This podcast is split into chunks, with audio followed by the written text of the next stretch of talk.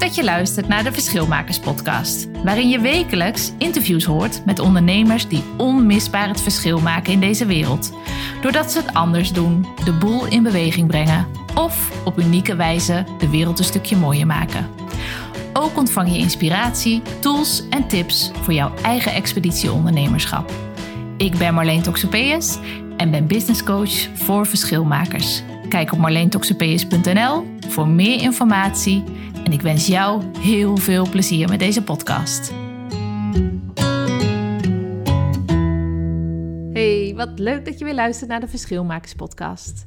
Zoals je misschien wel weet, heb ik leren lopen op het water. En daarmee bedoel ik natuurlijk leren lopen op het schip van mijn ouders. En water en zeilen zijn daarmee echt de rode draad in, uh, in mijn leven. En groot onderdeel van mijn levensacademie, noem ik het altijd maar. En toen een vriendin me wees op het boek van Frida Vennel, uh, Kapitein van Mijn Geluk. Dat gaat over uh, haar zeereis die zij maakte met haar toenmalige vriend en uh, met haar huidige man. Ja, toen dook ik daarin en ik verslond het boek in één keer. En het gaat over die reis van wel 10.000 zeemijlen en minstens zoveel levenslessen. En het is een heel leuk gesprek geworden over de keuzes, over, ja, over de keuze maken om weg te gaan, om je huidige leven achter te laten. En alle keuzes daarna natuurlijk, want dat brengt nogal wat teweeg. Het gaat over loslaten, over angst en vooral over uh, zelf het stuur van je, aan het stuur van je schip staan en ook het stuur over je eigen leven nemen en daaraan blijven staan. Dat in handen hebben. En natuurlijk, ik zou, ik, de Verschilmakerspodcast zou de Verschilmakerspodcast niet zijn als ik niet zou vragen wat ze hiermee uh, wil doen met dit boek, met deze reis, uh, in haar eigen leven en in het leven van anderen. Nou, ik wens je heel veel luisterplezier. Nou, ik zit vandaag bij, uh, bij Frida. Hoe spreek ik jouw mooie achternaam eigenlijk uit? Fennel. Fennel, ja. oh, toch wel. Is het een Nederlandse achternaam? Nee, het uh, Iers. Okay. Ja, mijn voorouders die komen oorspronkelijk uit Ierland. Oh, prachtig. Nou kijk, dat is al een mooi verhaal op zich. Ik zit bij Frida Fennel en um, we zitten hier aan haar, nou, aan haar eetkamertafel. En Frida heeft echt een fantastisch boek geschreven. Dat is Kapitein van Mijn Geluk. En uh, dat heb ik mogen lezen. En mij spreekt dat natuurlijk enorm aan als zeiler en als, als um, nou, dame die opgegroeide, opgroeide op het water. Sprak mij meteen aan. Ik heb het ook in één ruk uitgelezen. Leuk. En um, ja, tijd voor een interview. Ja, ja. ja heel bijzonder dat, dat je mij hiervoor benaderde. En ik ben heel benieuwd wat voor mooi gesprek we gaan voeren. Ja, is het, is het je eerste podcast? Um, ik heb wel eens een aantal podcasts ingesproken zelf voor een, zeilersmedium. Ah, ah, leuk. Um, over het boek, maar ja, ja, goed, ja, over het boek. Maar dat was echt heel eenzijdig, waarin ik een aantal onderwerpen van het boek uh, uitlichtte en daarover sprak. Oké, okay. nou misschien, misschien uh, word je wel getriggerd om ook te gaan podcasten. Ja, wie weet, wie weet. nou, bedankt in ieder geval dat ik uh, hier mag komen. Uh, voor de mensen die jou niet kennen, wie, ja, wie is Frida en wie ben je, wat doe je? Nou, lange versie of de korte versie? wat jij wil, ja. wat jij wil. Um, nou, ik, uh, ja, Frida, ik ben 36 jaar oud. Um, en God kan mezelf op heel veel manieren uh, omschrijven. Maar ik ben in ieder geval moeder, dat is heel belangrijk. Ondernemer daarnaast. Um, ik hou enorm van het buitenleven, van zeilen. Ik ben een zeiler. professioneel gezien schrijver, maar ook econoom. Uh, dat gaat eigenlijk uh, verschillende kanten op. Vrij buiten, levensgenieten. Um, nou, ik kom uit Limburg, Zuid-Limburg. Geleen, plaatje Geleen. Onder de rook van DSM, daar kom ik vandaan. En um, eigenlijk heb ik gestudeerd daarna in Nijmegen. En heb ik door het hele land uh, uh, op verschillende plekken eigenlijk gewoond en gewerkt. En um, in eerste instantie als econoom. met echt het vizier op cijfers, financieel medewerker, later controller. En toen kwam ik eigenlijk op een, op een splitsing in mijn leven. Um, en die splitsing die heeft me uiteindelijk geleid naar uh, kapitein van mijn geluk, naar het boek wat ik geschreven heb naar aanleiding van een zeilreis. Want um, in 2014 heb ik met mijn man, inmiddels man, toen nog vriend, um, een, een zeilreis gemaakt van 2,5 jaar rond de, de, Atlantische Oceaan. En dat is eigenlijk het keerpunt geweest in mijn leven. Wat geleid heeft naar ja, naar waar ik nu sta. Ehm, dat is eigenlijk, ja, dat is wel een introductie. Ja. ben. En Limburg, dan denk ik niet meteen aan zeilen. Hoe, eh, hoe, hoe, is dat bij jullie, hoe is dat bij jullie in het gezin gekomen? Ja, wat een leuke vraag. Want mijn, mijn vader die, die heeft zijn hele leven lang eh, ehm, gezeild. ehm, met, ja, waarbij hij dus altijd vragen kreeg van... Oh, die Limburger, weet die ook wat van zeilen? Weet je wel, wat komt die Limburger hier ons nou vertellen over zeilen? Maar ja, zeilen zit echt in de familie van mijn vader. Dus ehm, mijn opa zeilde al op de Noordzee. En ehm, mijn vader dus ook. En, en ik daardoor ook. Wij hadden een boot in Friesland liggen. Ehm, toen, we- toen, toen ik klein was, zeg ik dan, hè? dus eh, eh, in mijn jeugd. En daar gingen we mee zeilen, ieder weekend als het kon en in de vakanties. Dus dan stapten wij vier uur lang in de auto vanuit eh, Geleen naar, ja, naar Friesland. Ah, leuk. Leuk. Ja. Beetje overeenkomst, want wij gingen altijd ieder weekend van Zoutkamp naar Enkhuizen, naar mijn vader die eh, aan het zeilen was. Oh, kijk, Dat oh, is, eh, grappig. Ja, dat is natuurlijk ook een heel stuk. Ja, Ja. ja. saai, heel saai. Ja. die uren in die auto, maar uiteindelijk was het dan, eh, kon je wel het hele weekend buiten zijn. Ja, dus dat precies. Was, Heerlijk. leuk. Ja. Dus zeilen zat er al vroeg in. Ja. Ehm, volgens mij woonde je in Den Haag voordat jullie, voordat jullie de keuze maakten. Ja. Wat maakte dat jullie uit het leven stapten waar jullie in zaten? Ja. Naar beginnende carrière, neem ik aan. Ja. Wat maakte voor jullie de keuze, ehm, of wat dreef jullie tot de keuze om weg te gaan? Ja, ja ehm, we hadden inderdaad, Leon en ik hadden elkaar best wel op een, eh, op een nou ja, relatief jong leeftijd leren kennen. We waren 21 en inmiddels eh, waren we al een jaar of 7, 8 samen toen we die keuze maakten om de reis te maken. En in die 7, 8 jaar hadden we gestudeerd. Ehm, zaten we inderdaad best wel goed in de lift eh, qua carrière. We hadden een mooi huis in Den Haag. En ik zeg altijd, we hadden een, een prachtig leven na de maatschappelijke maatstaven. Je deed er lekker mee. Ja, we deden lekker mee. Ja, we hadden ook nog een mooie spaarrekening. En, ehm, ehm, maar ik miste zelf eh, een, echt een stukje zingeving in mijn leven. En ook balans. Ik was echt vaak gestrest. Eh, ik leid aan eh, het perfectionisme-syndroom, waar heel veel mensen aan lijden. Ja. Althans, ik leed daaraan en eh, nog steeds ehm, ben ik daar niet helemaal vanaf. Maar goed, dat leidt ook vaak tot stress. En ja, je wilt er gewoon alles altijd heel goed doen. Ehm, ja, dus dat was, waren eigenlijk elementen voor mij waarvan ik dacht... ja, ik moet het, ik moet het dus anders gaan doen. En ehm, daarbij kwam dat ik ook een kinderwens had. En dat ik al heel erg goed voor ogen had... dat als ik in dat leven, hoe ik op dat moment in het leven stond... ehm, dat ik dan geen, niet de moeder zou kunnen zijn die ik graag wilde zijn. Ehm, met geduld voor de kinderen. Tijd. Tijd, aandacht. Vooral aandacht ook. Ja. Ehm, en niet de kinderen maar erbij doen. Nou ja, dus, dus het was echt wel... Ik was echt op een punt in mijn leven dat ik dacht... we gaan het over een ander boeg gooien. Ja. En omdat mijn man en ik allebei... Leon en ik allebei van zeilen houden... eh, en we ook al wel de verhalen volgden van zeilers die lange reizen maakten... was de keuze op zich snel gemaakt om, eh, om een sabbatical te nemen... en een lange zeilreis te gaan maken. Geweldig. En wat was dan, want ik denk dat heel veel mensen het herkennen dat het, dat het, dat het knaagt, weet je wel? Dat je denkt, Mhm. oh, ik wil het, ik wil het anders. eh, ik ben die, in die stroom ben ik aan het meegaan en ik wil het anders. Maar het gros van de mensen laat het toch, eh, laat zich toch meesleuren. Ja. Wat is dan het allerlaatste zetje voor jou of voor Leon geweest dat je echt dacht, nou, dit kan gewoon niet. Dit, dit, we gaan dat nu gewoon doen. Want een zeilreis plannen en een schip kopen en geld daarvoor vrijmaken, het is nogal wat namelijk. Het is Mhm. een super project. Ehm, wat was dan het laatste, het moment of een situatie dat jullie echt eh, nou, even over de drempel heeft geholpen? Om het echt te gaan Ja. doen. Of dat echt een moment of een situatie is geweest, dat denk ik niet. Was echt gewoon ehm, Ik denk dat het een, een proces is geweest. Van je gezamenlijke droom. Ja, weet je, en ook op mijn werk bijvoorbeeld eh, werd gereorganiseerd.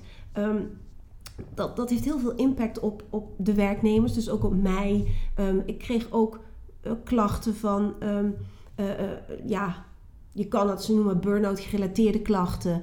Ehm, en ja, je weet je, je gaat steeds meer tegen je eigen grenzen aanlopen. Ja. En dat is het denk ik, dat, dat het echt bij elkaar optelde. Dan moet ik wel zeggen dat Leon daar geen last van had. Ehm, dus dat we samen daar en dan ook op de bank zaten te, te, te sparren en te kletsen van ja, god, eh, bij mij wringt gewoon de schoen met hoe ik nu leef. Maar bij Leon was het ook gewoon heel erg de wens om eh, een mooie reis te maken. Want Ja. ik had al heel veel gereisd, dat is het ook. Ik had al heel veel gereisd in mijn studententijd. Ehm, ik ben als, ehm, toen ik twintig was, een jaar eh, eh, in mijn eentje op pad geweest. Een half jaar vrijwilligerswerk gaan doen in Thailand. En daarna een half jaar door ehm, Australië gebackpackt. En voor mijn werk later ben ik heel veel in Afrika geweest.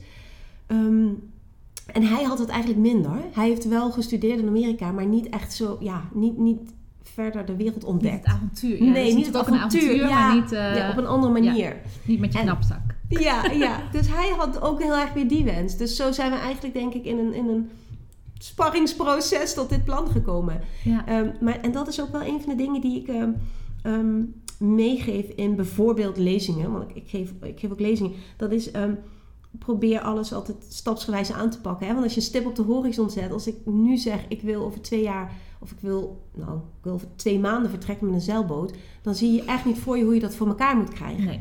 Maar je, je moet zoiets wel echt aanpakken als een project. En Ja. echt stapsgewijs, eh, eh, stapje voor stapje, korte termijn doelen stellen. En dan groei je naar zo'n moment toe. Ja, Ja. dat is wel een mooie overeenkomst in wat wij doen. Want jij geeft lezingen. Daar gaan we het zo meteen nog over hebben. Eh, lezingen aan bedrijven. Ehm, ik, ik doe het heel erg met mijn klanten. Want eh, ik maak bijvoorbeeld een jaarplan met mijn klanten. Ook vanuit verlangen en vanuit urgentie en vanuit verlangen. Maar dan ook, stel dat je een jaarplan hebt. En dus een stip op de horizon voor Ja. over een jaar. Dan lijkt het dus op 4 januari zometeen alsof je aan de berg van een voet staat. Van de. Mount Everest. En dat je denkt, oh my god, ik moet daar omhoog. Maar hoe? Ja, Dus ja dat- precies. Dan, ga je, dat, dan gaat, ga je dat niet meer doen. Nee, nee, nee, exact. Ja, en dat geldt dus voor heel veel zaken eigenlijk in het leven. Hè? Van breek het af tot kleine behapbare eh, brokken. En maak een, een, een plan ergens naartoe. Ja. En zo zijn we die zeilreis ook begonnen. Ehm, want we hebben, ik denk dat we hem drie jaar hebben voorbereid of zo, voordat we ei- eindelijk vertrokken. En we hadden ook nog helemaal geen boot toen we het plan maakten. Dat is wel interessant. En we hadden ook niet de zeezeilervaring, want we konden wel zeilen op de Friese meren. Ehm, maar we waren Nog een paar nooit zelf de eh, zee Champions. League, Ja. eh, Champions ja, League hoger. ja, dus er moest ook echt nog wel wat gebeuren, ja. Ja, oh, Ja. leuk. Ik vind het wel mooi, ehm, en correct me if I'm wrong, eh, het is een soort mix bij jullie van jou vanuit urgentie en Ja. bij Leon dus vanuit een vurig verlangen. Ja, En die Ja. mix is natuurlijk heel mooi, want dan, daarin balanceer je elkaar. En die drie jaar ernaartoe zullen ook niet altijd even makkelijk geweest zijn. Dat je denkt, oh, wanneer gaan we nou, wanneer gaan Ja, we nou, wanneer ja, gaan we nou. ja. En ehm, wat, maar we gaan op reis. Wat was voor jou, wat waren voor jou de, ja, de, de, de twee of drie meest bijzondere momenten? En wat, heb, wat heeft dat jou gebracht? Eh, tijdens de reis bedoel je Ja, momenten? Tijdens de reis. Oh. We gaan op reis. We, gaan op We, reis. gaan op, we zijn op reis. We nu. zijn op Oké, reis. ja. We zijn los. Eh, De, de meest bijzondere momenten. ehm, die, die dus dan ook impact hebben gehad op mijn denken en op Ja, mijn leven. Of tijdens de reis zelf. Mag ook zijn hoor. Oké, of oké, ja, er Ja. zijn wel. Nou, één belangrijk ehm, moment is sowieso geweest het vertrek van de oversteek van de oceaan. Toen waren we inmiddels al een half jaar op reis. Ehm, maar in dat eerste half jaar hopten we vooral langs de Europese kust. En eh, dat was ook uitdagend, absoluut. Maar dan kom je op het moment dat je echt die oceaan over gaat zeilen. En dan weet je dat je drie weken lang geen land ziet. En dat is een eh, heel belangrijk moment geweest. Het was voor jullie beiden de eerste keer toch? Dat je echt een oceaan overstapt. Ja, ja, we hebben natuurlijk als je, ehm, als je die reis, als je dus vertrekt van hier naar, eh, eh, oké, we de oceaanoversteek begon voor ons bij de Kaapverdische eilanden. Die liggen voor het Afrikaanse continent. Voordat je daar bent, heb je wel al een paar keer vijf nachten doorgevaren. Ja, Dat ja. zijn ook al hele lange stukken hoor. Ja. Ehm, maar goed, dat is nog steeds geen drie weken. Dus dat was de eerste keer. En wat bij mij een hele grote rol heeft gespeeld in het eerste half jaar van die reis. En wat dit moment dus ook zo belangrijk maakte, was ehm, het overwinnen van, van mijn angst. Want ehm, ik ben wel een hele stoere dame die, eh, die de zee heeft eh, bezworen. Nee, maar ik was, heel, ik was echt wel erg bang in het begin. En ehm, eh, bang voor de golven, bang voor de zee. En dan zeggen mensen waarvoor? Ja, uiteindelijk waarschijnlijk bang om te vergaan. Ja. Als je het heel ver doortrekt. Maar ja, daar had ik echt heel veel last van. En om daarmee om te leren gaan en om daar uiteindelijk overheen te kunnen stappen. Of ja, het- je stapt er niet eens overheen. Je vindt een manier om er inderdaad mee om te gaan en om toch eh, je doel na te streven. ja. Dat was een heel eh, bijzonder belangrijk moment. Oké. Ja. En hoe, hoe is je dat gelukt? Want eh, ik, in het boek herinner ik me nog dat je dan de donkere nachten op de oceaan met je muziekje in, met Ja. de onverwachte golven, Ja. met de verhalen van de andere medereizigers of de medevertrekkers. ja. Hoe, hoe ging je daarmee om? Alleen aan dek eh, met al je gedachten. Ja, nou uiteindelijk hoe ik omging met mijn angst. En hè, daar heb ik natuurlijk heel veel over nagedacht. Want ik krijg die, die vraag best vaak, ook tijdens lezingen bijvoorbeeld. En ehm, het is toch een mix geweest van een aantal factoren die dus nu nog steeds heel belangrijk zijn. Daarom, dat dat, daarom is dat moment ook zo belangrijk geweest. Ja. En die factoren die zijn in eerste instantie geloof in jezelf, geloof in je doel. Als je dat namelijk blijft doen, dan behoud je ook die energie om ervoor te blijven gaan. Ja. Dus het is echt geloof. Geloof je. Je ziet ook wel eens dat bijvoorbeeld vrouwen meegaan op zo'n reis omdat de man dat graag wil. Ja. Zo'n reis maken. Ja. En bij ons was het echt, het was ook mijn wens. Ja. Dus ik, ik, het- ja, ik geloofde, ik wilde echt voor dat doel gaan. Ja. Dus dat is een heel belangrijk, eh, eh, ehm, dat is een van de factoren. Ehm, dan is een andere belangrijke factor vertrouw op jezelf. Maar dus op de randvoorwaarden dat die in orde zijn. Ja. We hadden echt een goede boot. We waren goed voorbereid. ehm, we hadden de technische kennis.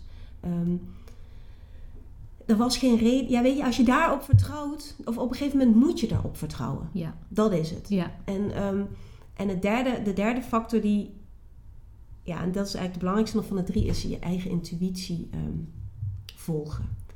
En tijdens zo'n reis, en met name op zee, kom je heel erg, je komt jezelf tegen. Ja. En dat, dat, dat is ook zoiets wat mensen het dan over hebben, jezelf tegenkomen. Wat is dat dan? Ja. Ehm, maar op, als je drie weken lang op een oceaan zit, eh, dan, dan vervaagt alles. Er, tijd bestaat niet meer. Ehm, je hebt echt letterlijk alleen nog maar het ritme van de golven, het ritme van dag en nacht, de, na- de natuur. Ja. Ehm, Het ritme van je wacht. ja, nou ja, van je wacht inderdaad. Het ritme van je wacht. Iedere drie uur, of vier uur in ons geval. Eh, wij deden om de vier uur eh, van wacht wisselen. Nee, maar dat is het enige ritme wat je hebt. Dus je hebt ook geen besef meer van plaats, geen besef meer van tijd dus. Nee. Ehm, en je komt heel erg in, ehm, eh, in, ehm, in balans eigenlijk met de natuur. En met jezelf, met je, de oer in jezelf. En dat, dat woord vind ik zelf echt heel mooi. Ik weet niet eh, of de luisteraar dat ook vindt. Eh, misschien, ik denk vrouwen die bevallen zijn, die weten ook wel wat het is, de oer. Want die hebben die kant van zichzelf daar Ja. leren kennen of gezien. Hè, het, zit, zit allemaal in ons en bij de mannen zit het ook in zich. Ehm, en op zee maak je dus echt kennis met die oer in je. Ja. En ehm, nou ja, dat instinct, dat oerinstinct om dat te volgen, dat probeer ik nu dus nog steeds eh, eh, vol te houden. Ook in mijn landleven. Ja. Dus dat, dat maakt, het- ja, dat is belangrijk Oh, mooi. geweest. Ja. Mooi. En het is toch wel leuk om, want we zijn nog steeds op reis, maar ik ga even een Ja. stapje nemen nu. Ehm, want die oer in jezelf, ja, ik, herken, ik herken hem heel goed, ook van inderdaad bevallen. maar ook daarvoor al in situaties eh, op zee, dat het gewoon, nee, dat de elementen gewoon eh, zo duidelijk aanwezig zijn dat het ook niet anders kan. Dat je Ja. met je oer en met je instinct Ja. en met je intuïtie aan de slag gaat om te overleven. Ehm, maar nu, hier in Nederland, alles is geregeld, et cetera. Hoe, want met de elementen vind ik het makkelijker om een Mhm. oer in te zetten dan ehm, dus op, ja, op de Noordpool of eh, ik, ik heb in een sneeuwstorm gezeten in Spanje, moest ik op de berg eh, overnachten. Oh, ja. Dan is het makkelijker Ja. voor mij om de Ja. oer in mezelf aan te wakkeren dan in Nederland op de snelweg. Ik ben net anderhalf uur van Den Haag hier naartoe gereden. Ja. Dat is moeilijker. Hoe, hoe, hoe lukt jou dat nu dan om die oer weer, om je oerknop weer aan te zetten? Oeh, dat is heel moeilijk om de oerknop aan te zetten. Ehm, nou, ik denk wat, wat belangrijk is, is ehm, ehm, om mezelf af en toe even uit het leven te halen. Uit het dagelijkse leven. Ja, En een, van een afstand weer te- naar te kijken. ja, Ehm, en dat kan ik makkelijker omdat ik dat ervaren heb van, van op zee. ja, Door eh, volledig uit je leven aan land te stappen, ga je er met hele andere ogen naar kijken. Zeker als je er 2,5 jaar uit bent. Want Ja. zo lang duurde Ja. die reis. En je visual- visualiseert het dan ook makkelijker, de situaties waarin je het dan misschien eh, gedaan hebt. Ja, en je komt ook ehm, dus heel veel nieuwe situaties tegen op zo'n reis. Die je niet kent vanuit je, je, je leven aan, Ja. eh, in Nederland. Ehm, dus je gaat heel anders naar je leven in Nederland kijken. En dat stukje reflectievermogen, dat heb ik echt heel goed weten te behouden. En dat lukt me nu dus ook nog. Want natuurlijk laat ik me ook meeslepen in onze maatschappij, in wat mensen normaal vinden, wat iedereen doet, de drukte en et cetera. Ja. Maar ik ben wel nog steeds heel goed in staat om op de bank te gaan zitten. Ehm, vaak gebeurt dat heel spontaan, eh, vanuit een emotie bij mij. Ehm, een kop thee te pakken en, en te reflecteren. Mooi. En daar vind ik dan ook wel dat stukje oer. Want dan ga ik heel erg naar mezelf luisteren. Nou, wat vind ik hier nou van? Ehm, hoe sta ik hierin? En me niet te laten beïnvloeden door de buitenwereld. ja. En dat is uiteindelijk wat ik iedereen gun.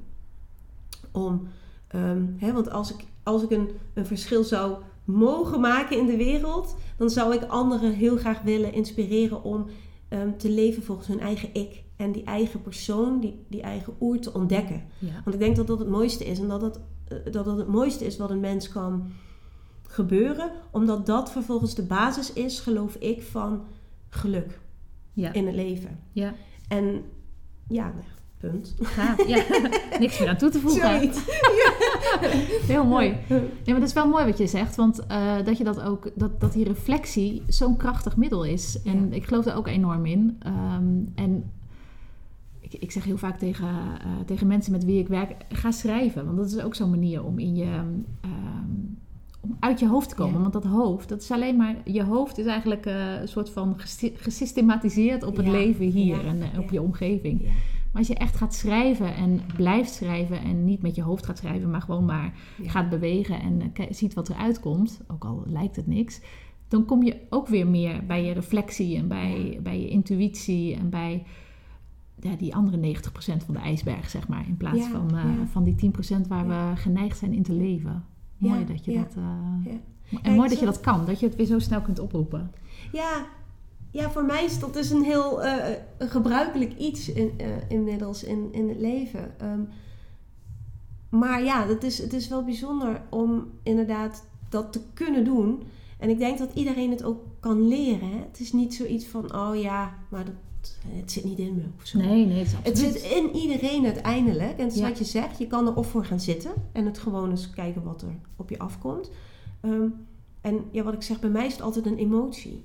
Ja. En ik weet ook niet of iedereen zijn emoties altijd laat gaan. Nee. Of hè, mensen zijn misschien soms ook geneigd om emotie te eh, verbloemen. Maar ik vind emotie ehm, juist ook in, in de teksten ehm, eh, eh, die, ik, die ik schrijf, of, en ook in mijn boek, het komt altijd wel uit, juist uit emotie. Ja, En emotie is ook oer uiteindelijk. ja. Want dat, emotie zit niet tussen je oren. dat zit niet onder je, controle. Ja. je lijf, in je, in je, je spirit of zo. Dus ehm, Ja. ja. Ja.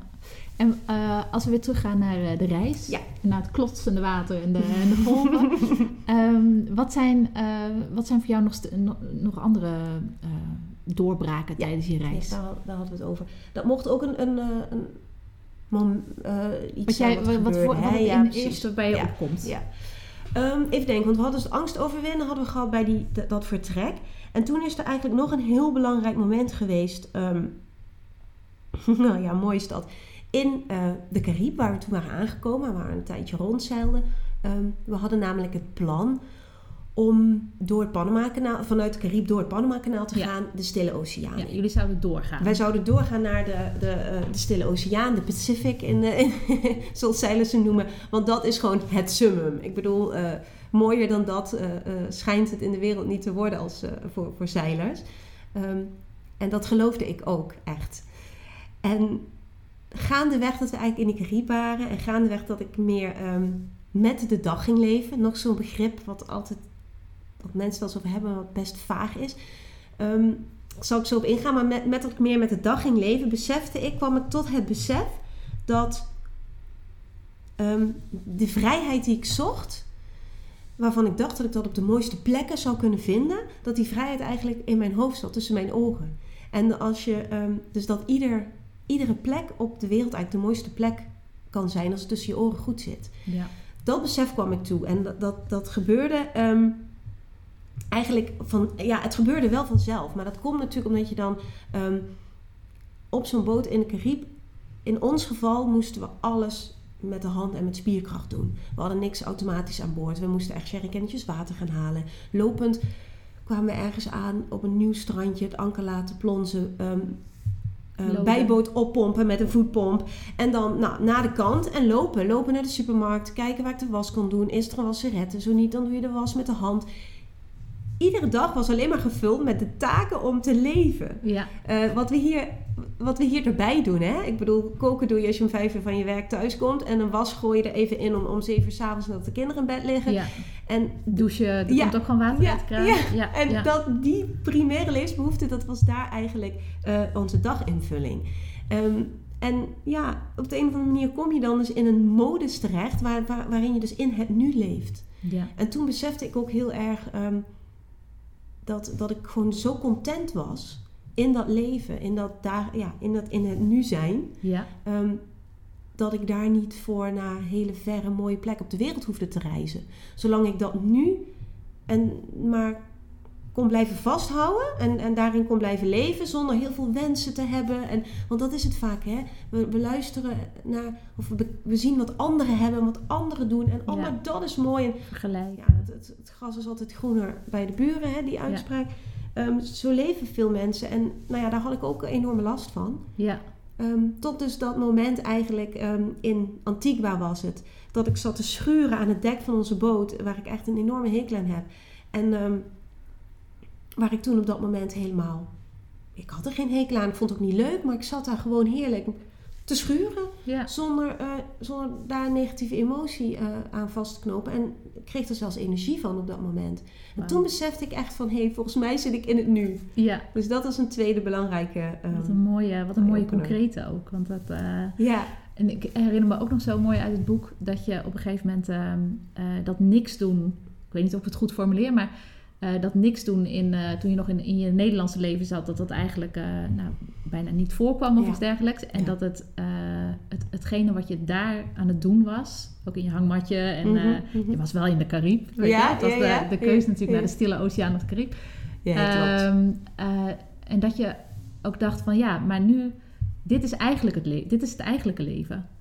Van eh, gewoon het primaire, eh, Ja. alles voor elkaar krijgen om gewoon te gaan. Dit is het leven. Dat andere wat we doen, dat is, eh, dat is, ja, Ja. dat is misschien wel niet het leven. Dat is tenminste wat ik uit je, uit je ja, boek ja, interessant. Nee, het is absoluut waar. Ik denk namelijk niet dat het er zo in die woorden in staat. nee, nee, als jij staat er zeker niet zo Maar in. dat is absoluut waar. Ja. Uiteindelijk terug naar die, die eh, basisbehoeften in je leven. Ja, als je daarin in, in kan voorzien. Ja. Ik denk dat, dat je dan al... Daarin kun je ook gelukkig zijn. Je hoeft niet de luxe, dat ik zeg, je hoeft niet de luxe te hebben of de welvaart die wij hier hebben om nee, een bepaalde ehm, mate van geluk te ervaren in je leven. nee. Eh, dat is natuurlijk heel makkelijk gezegd vanuit iemand die wel alle luxes heeft en uit het, in het Westen is opgegroeid. Ja, Maar ik geloof daar wel echt in, want wij hadden een. We, we gingen echt wel op reis op een hele basic manier. ja, eh, waarin alles handmatig moest, eh, met spierkracht en ehm, ehm, kleine boot. Eh, ja, gewoon geen luxe, maar dat was ook helemaal prima. ja, mooi hoor. En heb je, heb je nog zo'n moment? Of Mm.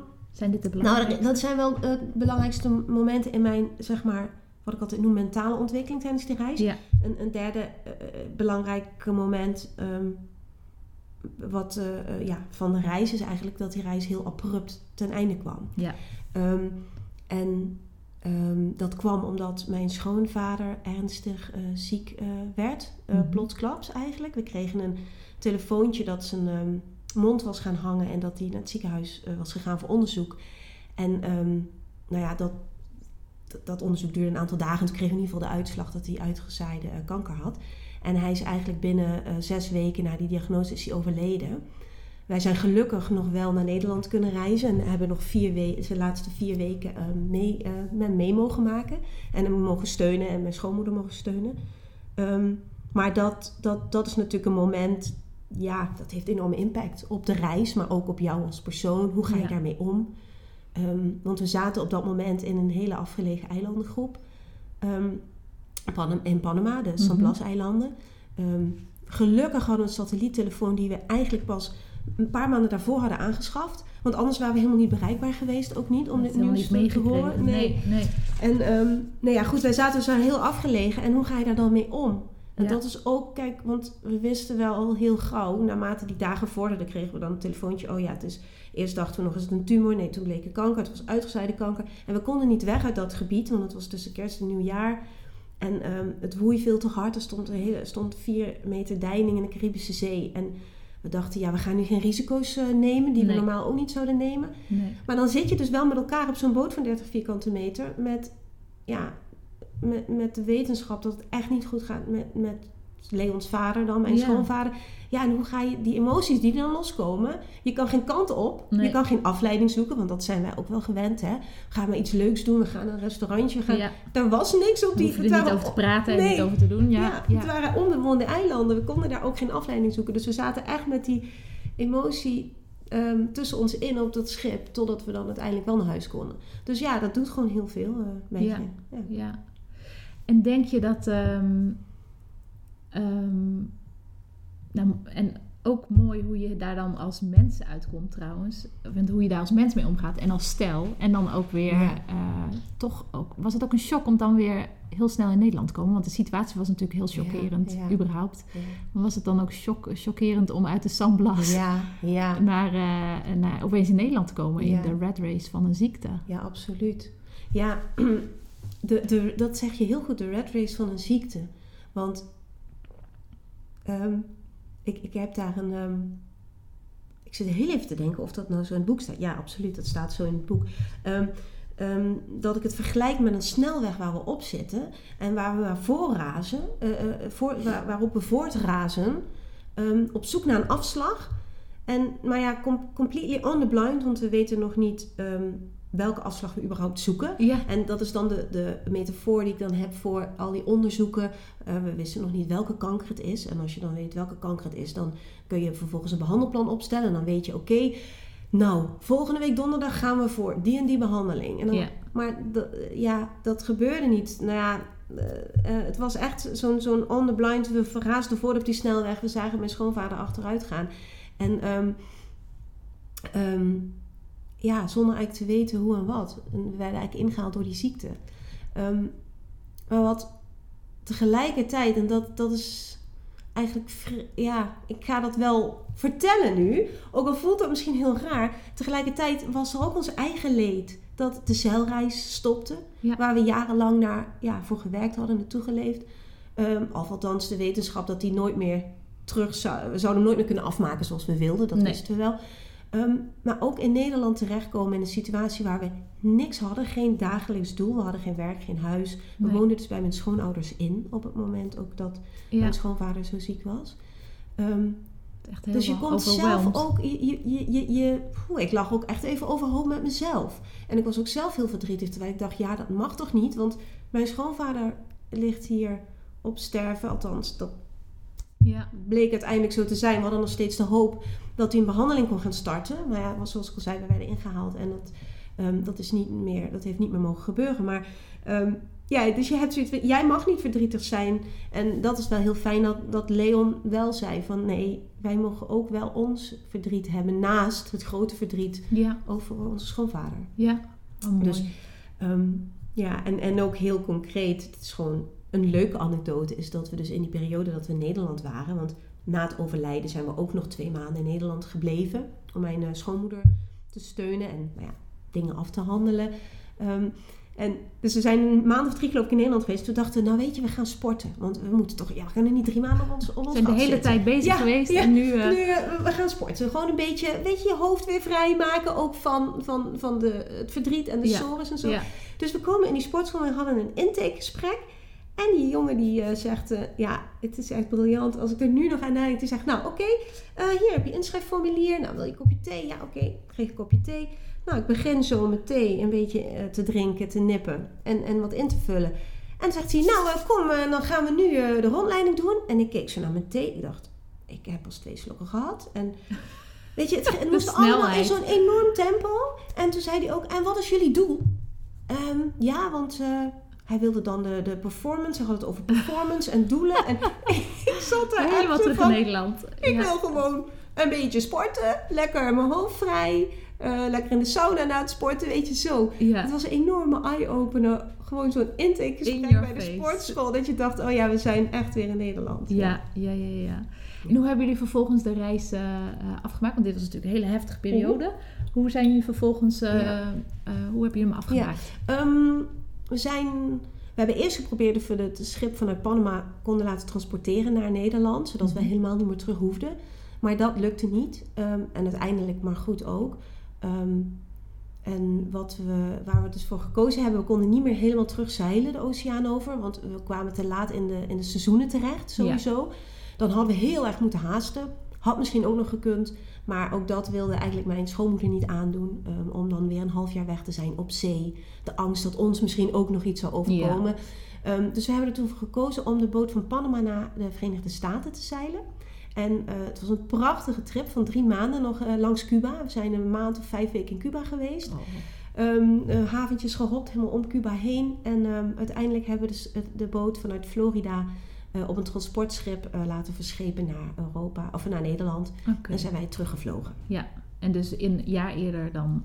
eh, Ehm, ja, uiteindelijk hebben we twee jaar eigenlijk gezeild. En we hadden toen voor vertrek het plan om drie jaar weg te gaan. ja. Maar dat plan was eigenlijk ook, dat eindigde in Australië, Nieuw-Zeeland. Nou, daarvan hadden we al gezegd, gaan we helemaal niet doen. Want waarom moeten we nog zo'n enorme grote stille oceaan over om die mooie plekjes te vinden. Terwijl die mooie plekjes in ons hoofd in de Caribe ook Ja. eh, eh, eh, Daar vonden. waren jullie al. Ja dus, Ja. dus daar was die reis eigenlijk al ingekort. Ja, dus uiteindelijk is hij niet nog meer heel veel korter geworden door het overlijden ehm, nee.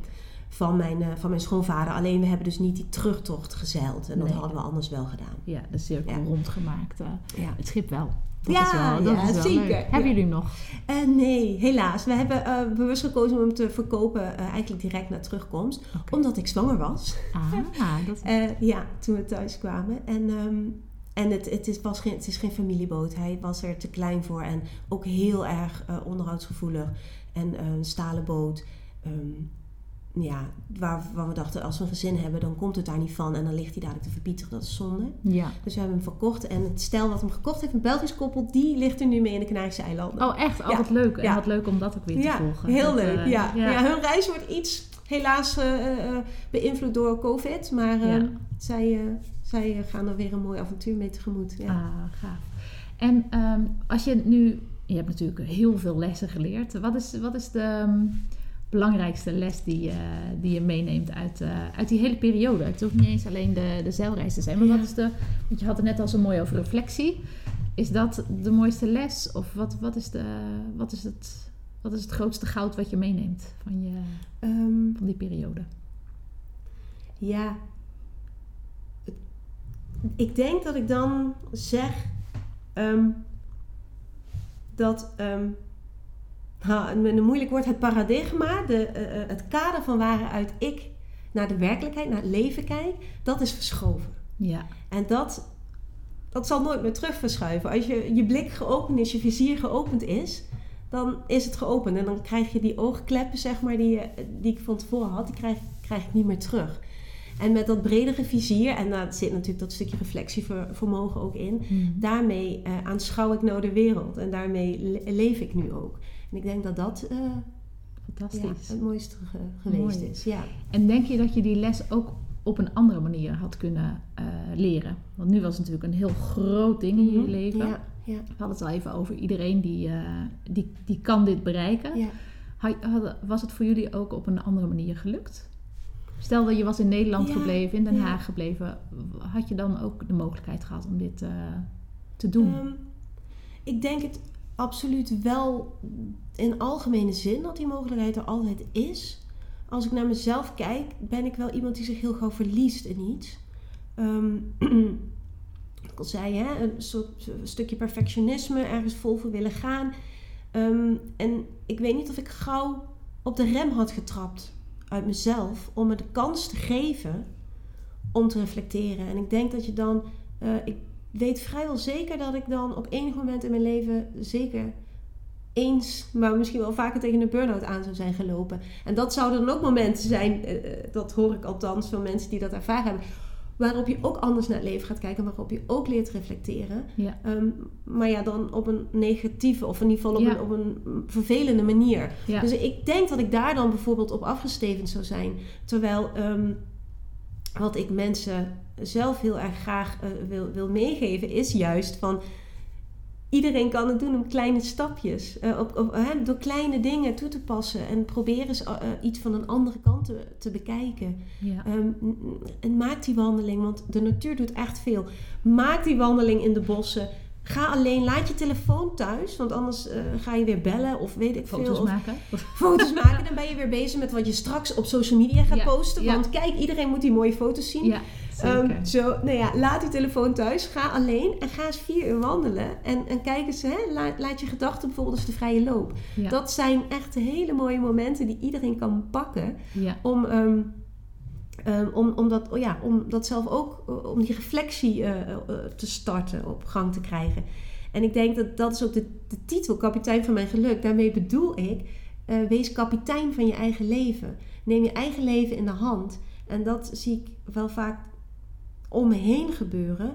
Ehm, mensen worden leidend voorwerp van hun eigen leven. Ze Ja, laten zich meezuigen door alles wat er om hen heen gebeurt. Door verwachtingen, maar ook verplichtingen. Hè, verplichting voor een huis. We willen een mooi groot huis. Ja, dan moeten we brood op de plank, want anders kan je het huis niet betalen. Dus we hebben een drukke baan. En, en nou ja, goed, hè, je snapt wel, ik denk dat iedereen wel begrijpt wat ik bedoel als ze zich laten meezuigen in de rat race. En ehm, wat ik altijd zeg is, je, je hebt je eigen leven in de hand en je hebt iedere dag de mogelijkheid om een andere keuze te maken. ja. Ehm, en natuurlijk heeft die keuze consequenties. Het is niet zo dat iedereen zomaar zijn baan kan opzeggen, want ja, inderdaad, dan kan je dat huis niet betalen. Nou ja, misschien wil je dan ook dat huis wel niet meer betalen en, en kies je voor een andere manier van wonen.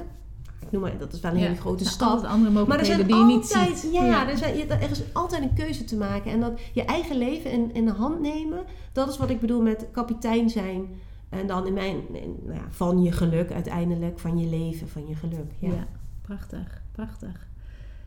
Ja, en eh, ik moet opeens denken aan een eh, hele goede vriendin van mij. Die kreeg van, ehm, ehm, volgens mij van de acupuncturist, Ah ja, de, mooi. de, de tip. Waarom ga je niet mindful wandelen? Eh, dus niet met een podcast op of niet met eh, iets op. Zet hem nu niet uit trouwens. Maar eh, wacht nog even. Maar, ehm, maar ga bijvoorbeeld wandelen en zet, gebruik één zintuig per keer. Dus gebruik de ene keer alleen je oren, gebruik de andere keer alleen je ogen, weet je wel. En, en zie dan wat je allemaal meer ziet. En ruik dan wat je allemaal meer ruikt. En dat als je één zintuig zo bewust aanzet in de natuur. Dat is echt eh, fantastisch wat er, Ja. dan, eh, wat er dan gebeurt. En natuur is zo belangrijk. Ja, ja, ja. Heerlijk. Ja. En nu ben je, wonen jullie hier in dit prachtige, prachtige huis. Ehm, jullie hebben twee kindjes. Mhm. Hoe, hoe sta je er nu voor? Wat doe je nu? Wat is, je, wat is, eh, wat is het wat je doet tegenwoordig? Ja, nou, ehm, ik heb tijdens die reis ontdekt dat ik enorm graag schrijf. Ik heb geblogd tijdens de reis en daar kreeg ik ook ehm, ja, veel positieve reacties op, waardoor je dat verder gaat uitbouwen en jezelf meer gaat uitdagen om, eh, eh, om interessante blogs te schrijven. En uiteindelijk ehm, is daar dus ook het boek uit ontstaan. En toen ik terugkwam, ehm, ja, heb ik toen ook ervoor gekozen om van die passie voor schrijven mijn beroep te maken. En ben ik het tekstschrijversbureau eh, begonnen, Text by Frida. En dat was in 2017, dus dat doe ik nu bijna vier jaar. En ehm, ja, in die tussentijd natuurlijk wel ook twee kindjes gekregen. Ja. Maar dat is ook weer een van de redenen dat ik graag eh, de- dat ik die keuze heb gemaakt om te gaan eh freelancen. Want ik werk dan natuurlijk als freelancer. Om, om die, ja, die balans tussen het gezinsleven en, eh, en, en werk ehm, zelf te kunnen vormgeven eigenlijk. Ja, en dat verlangen wat je eigenlijk al voor de reis had. Ja, ja, Mooi, absoluut. Ja, want eh, Ehm, ik ik realiseer me, ondanks dat ik in een vermoeiende fase zit met twee kleine kindjes. De jongste is nu elf maanden en slaat nog steeds niet door. Ik moet er drie keer, eh, twee tot drie keer per nacht uit om, om te voeden. Ehm, maar ondanks dus hè, die hectiek en die drukte en, en toch ook soms, ja, nou ja, niet stress, maar inderdaad de drukte, realiseer ik me wel gewoon iedere dag weer dat ik wel die moeder ben die ik heel graag wil zijn voor mijn kinderen. ja. En ja, nou ja, daar ben ik wel best wel trots op. Omdat ik weet, tien jaar geleden inmiddels... Nee, is het tien jaar? Nee, 2000, nou ja, toen we de keuze maakten voor de reis te maken was 2011, dus bijna tien jaar geleden. Toen had ik heel duidelijk voor ogen van, ik, kan, ik word nu niet die moeder die ik wil zijn. Nee, En tien jaar later kan ik wel zeggen van, ja, dat is me nu wel gelukt. geweldig. Ja, geweldig. dus, eh, En je geeft ook lezingen volgens mij. ja, dat klopt. Vertel eens, Ja, wat dus voor ik, lezingen eh, geef je? Ehm, ik geef eh, lezingen. ik, ik heb eigenlijk twee, twee soorten lezingen die ik op dit moment eh, geef. Dat is enerzijds eh, ehm, heet de lezing Kapitein van Mijn Geluk. En dat is de, een, een lezing geënt op het boek. Ehm, waarin ik mensen meeneem in mijn persoonlijke eh, ontwikkeling tijdens die reis. Ja. En dan zeg ik altijd, hè, de reis is het decor. Dus Ja. ik vertel ook over de reis. Ik laat mooie plaatjes zien. En, eh, ehm, maar ik vertel ook over het loslaten. Ehm, eh, hè, want het heeft me een half jaar geduurd om, om, om dat stramien hier, dat, dat systeem, zoals jij het ook heel mooi omschreef, van onze maatschappij, om dat los te laten. Dus nou ja, loslaten, angst overwinnen, ehm, nou ja, het, het vinden van die vrijheid. En dat die met name tussen mijn oren zit. Ja. Dat verhaal, daar neem ik de, de, de luisteraar in, in mee tijdens ehm, de lezing Kapitein van Mijn Geluk. En dan ehm, geef ik ook een zakelijke lezing en die heet Jezelf overwinnen. Waarin ik eigenlijk ook aan de hand van die anekdotes van de zeilreis ehm, de parallellen trek tussen het op koers houden van een schip en het op koers houden van je bedrijf. Ja. Eh, en dan denk je, kun je ook denken aan eh, ehm, eh, kansen zien, moed tonen, samenwerken natuurlijk heel belangrijk in je bedrijf. Maar ehm, ook om, om zo'n zeilreis, ze- zeereis te laten slagen. Ja. Ehm, dus dat zijn de, de lezingen die ik eh, Leuk. geef. Ja. Leuk, heel leuk. Het is natuurlijk nu iets moeilijker door corona. Dus, eh, eh, maar ja, goed, ook online kan je tegenwoordig een mooie groep samen krijgen om, om een mooie presentatie voor te geven. Dus, dus wat dan gaat, zijn er toch nog steeds mogelijkheden genoeg. Gaaf, heel gaaf. En wat, ehm, want je hebt nu je gezin, bedrijf, zit weer in Nederland. Je kunt dus af en toe goed, eh, of je kunt jezelf goed weer bij de les krijgen door te reflecteren. Mhm, mhm. Ehm, heb, jij, heb jij een tip voor andere ondernemers, andere verschilmakers, wat je iedereen zou gunnen? We hadden het net al eventjes over eh, Ja. eh, reflectie, maar wat, wat, wat zou jij iedere ondernemer gunnen? Want, ehm, en ander, ieder mens Ieder natuurlijk, mens, maar ik, ja, ik doe ja, deze precies. podcast voor ondernemers. Nee, ik snap het, ja. Nou ja, ehm, waar, wat, waar ik anderen heel graag in wil inspireren is om, om dus te leven vanuit je eigen ik. Ja. Daar hadden we het denk ik al heel even over gehad. Want ik denk als je leeft vanuit je eigen ik, dan dat is de pad naar geluk en succes uiteindelijk. Ja. Ehm, als je vanuit jezelf leeft en ehm, je niet laat leiden door verwachtingen van buitenaf, door wat anderen doen, wat anderen vinden, wat het systeem is. Als je daar niet door laat leiden, maar echt je eigen pad volgt, ik denk dat dat het enige pad is wat naar voldoening en mm, nou ja, geluk eh, leidt. Dus dat gun ik iedereen, daar wil ik iedereen in inspireren. Ehm, en ik denk dat wat, wat heel belangrijk is voor ondernemers, als ik ze daarin een, een, een tip zou meegeven, dan is het toch wel om ehm, ehm, ja, te, te ondernemen vanuit die authenticiteit. Vanuit jezelf, maar ook vanuit die emotie. En Ja. eh, laat alles van jezelf zien. Dat is wat ik zelf heel erg doe. Dat is ook hoe ik anderen probeer zeg maar, te inspireren in mijn teksten. Is ja, om door jezelf toch wel bloot te geven. En ehm, dat is ook bijvoorbeeld de kracht van storytellen. Eh, eh, iets wat, wat ik doe ehm, in mijn, nou, voor het eh, werk. Het, het, het, Ja. het verhaal schrijven van, voor opdrachtgevers. Dat is heel erg een, een story. Dat spreekt mensen aan. Omdat daar hele herkenbare elementen in zitten. Ehm, men, eh, verhaal, elementen waarin iedereen zich herkent. Die Ja. ze zelf in het dagelijks leven ook ehm, tegenkomen. En daardoor creëer je die verbinding en, ehm, met iemand. En kun je iemand ook eh, eh, in beweging zetten. Ja. Bewegen om klant te worden of bewegen om ehm, te gaan reflecteren. Het Ja. is maar net eh, Ja, wat jouw doel is. Maar die authenticiteit en hè, dus die waardoor je jezelf blootgeeft en anderen, eh, je, je eigenlijk die verbinding met anderen maakt, Ja. dat is denk ik een heel belangrijk, Ja. eh, of dat vind ik zelf heel belangrijk in mijn, eh, in, in mijn bedrijf en ook als mens. Ja. De kracht van kwetsbaarheid eh, Ja. is het ook wel. Ja. Ik merk het heel erg. ehm, mensen gaan natuurlijk heel erg aan op metaforen, vaak op sprookjes, op verhalen, Ja, op storytelling nu.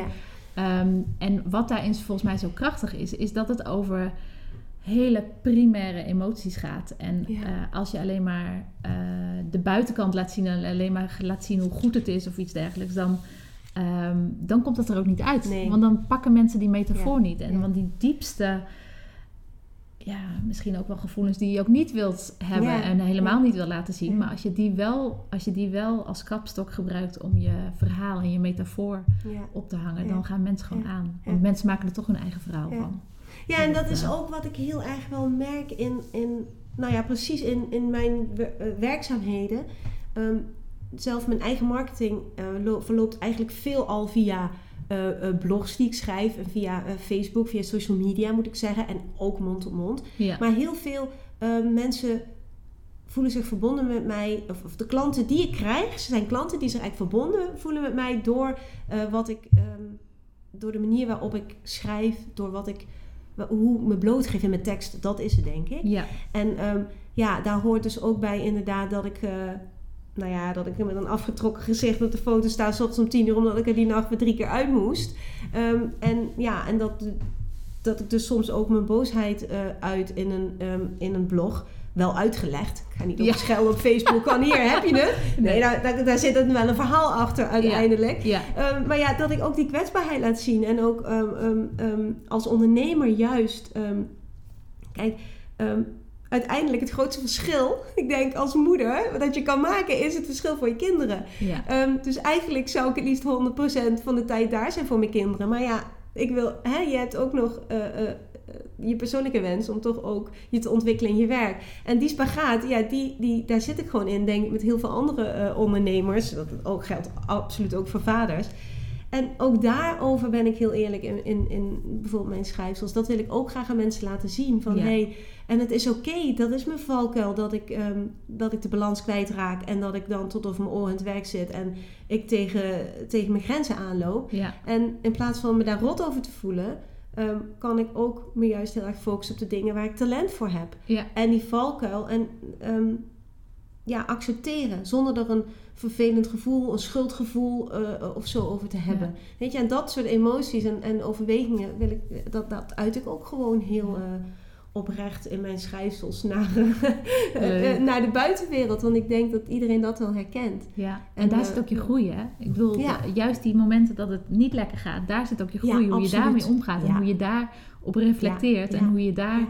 En ik denk dat, dat eh, moeders, eh, weet je wel, eh, moeders en vaders met jonge kinderen vooral, Ja, dat die daar allemaal doorheen gaan Ja, met, oh my god, en dit moet nog, en dit moet toch, en Ja. ik heb een huilend, jengelend kind. Ah, ja, Hoe gaat dat? En ik voel mezelf ook heel moe.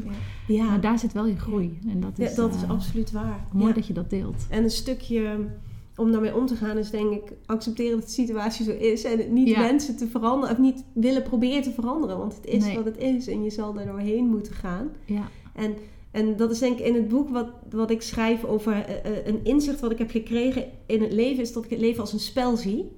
Eh, met verschillende rondes. ja. Hè, verschillende levels, zeg maar. En ehm, in ieder level krijg je nieuwe kaarten toebedeeld, die jij dan nou ja, vervolgens moet uitspelen. Zo zeg ik dat altijd. En om dat dan concreter uit te leggen, je hebt verschillende fases in je leven waar je doorheen gaat. En in iedere fase heb je nieuwe uitdagingen. ja. En ehm, om daarmee om te gaan en door die fase heen te komen, en dan, hè, die ontwikkeling is eigenlijk, denk ik, waar het leven om, om draait. ja. En natuurlijk kun je dan eh, hele mooie ambities hebben van een, een carrièrepad dat je wil bewandelen. Of eh, een grote reizen die je wil maken. Of een mooi huis wat je wil hebben. eh. maar ik denk dat, dat alles eigenlijk ja, pas voortvloeit uit, ehm, uit die, dat, dat- pad wat je bewandelt. En die persoonlijke ontwikkeling. Dat dat uiteindelijk de basis is van het leven. En dat de rest ja, randvoorwaarden zijn uiteindelijk. Ja, en daarin meegaat ook. Want hoe, hoe blijer, weet je, hoe meer kapitein jij van je eigen geluk bent, hoe meer je dat stuur in eigen hand hebt. Hoe, ja. eh, hoe dankbaarder je ook in het leven staat. En dat geeft weer energie en dat, dat geeft weer de klopt. accelerator eh, voor alles. Waar kunnen mensen jouw, eh, jouw boek... Ik, ja, ik vind het echt een aanrader, Kapitein van Mijn Geluk. Waar kunnen ze het vinden?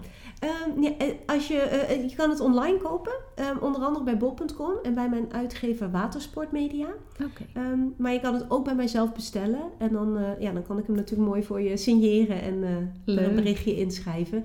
En waar vinden ze jou? ja, Eh, dat kan via, de, via mijn website tekstbyfrida.com. en dan is tekst is op zijn Engels, dus met een X en by met Y. Ja. Ehm, en je kan dus een mailtje sturen naar info.tekstbyfrida.com.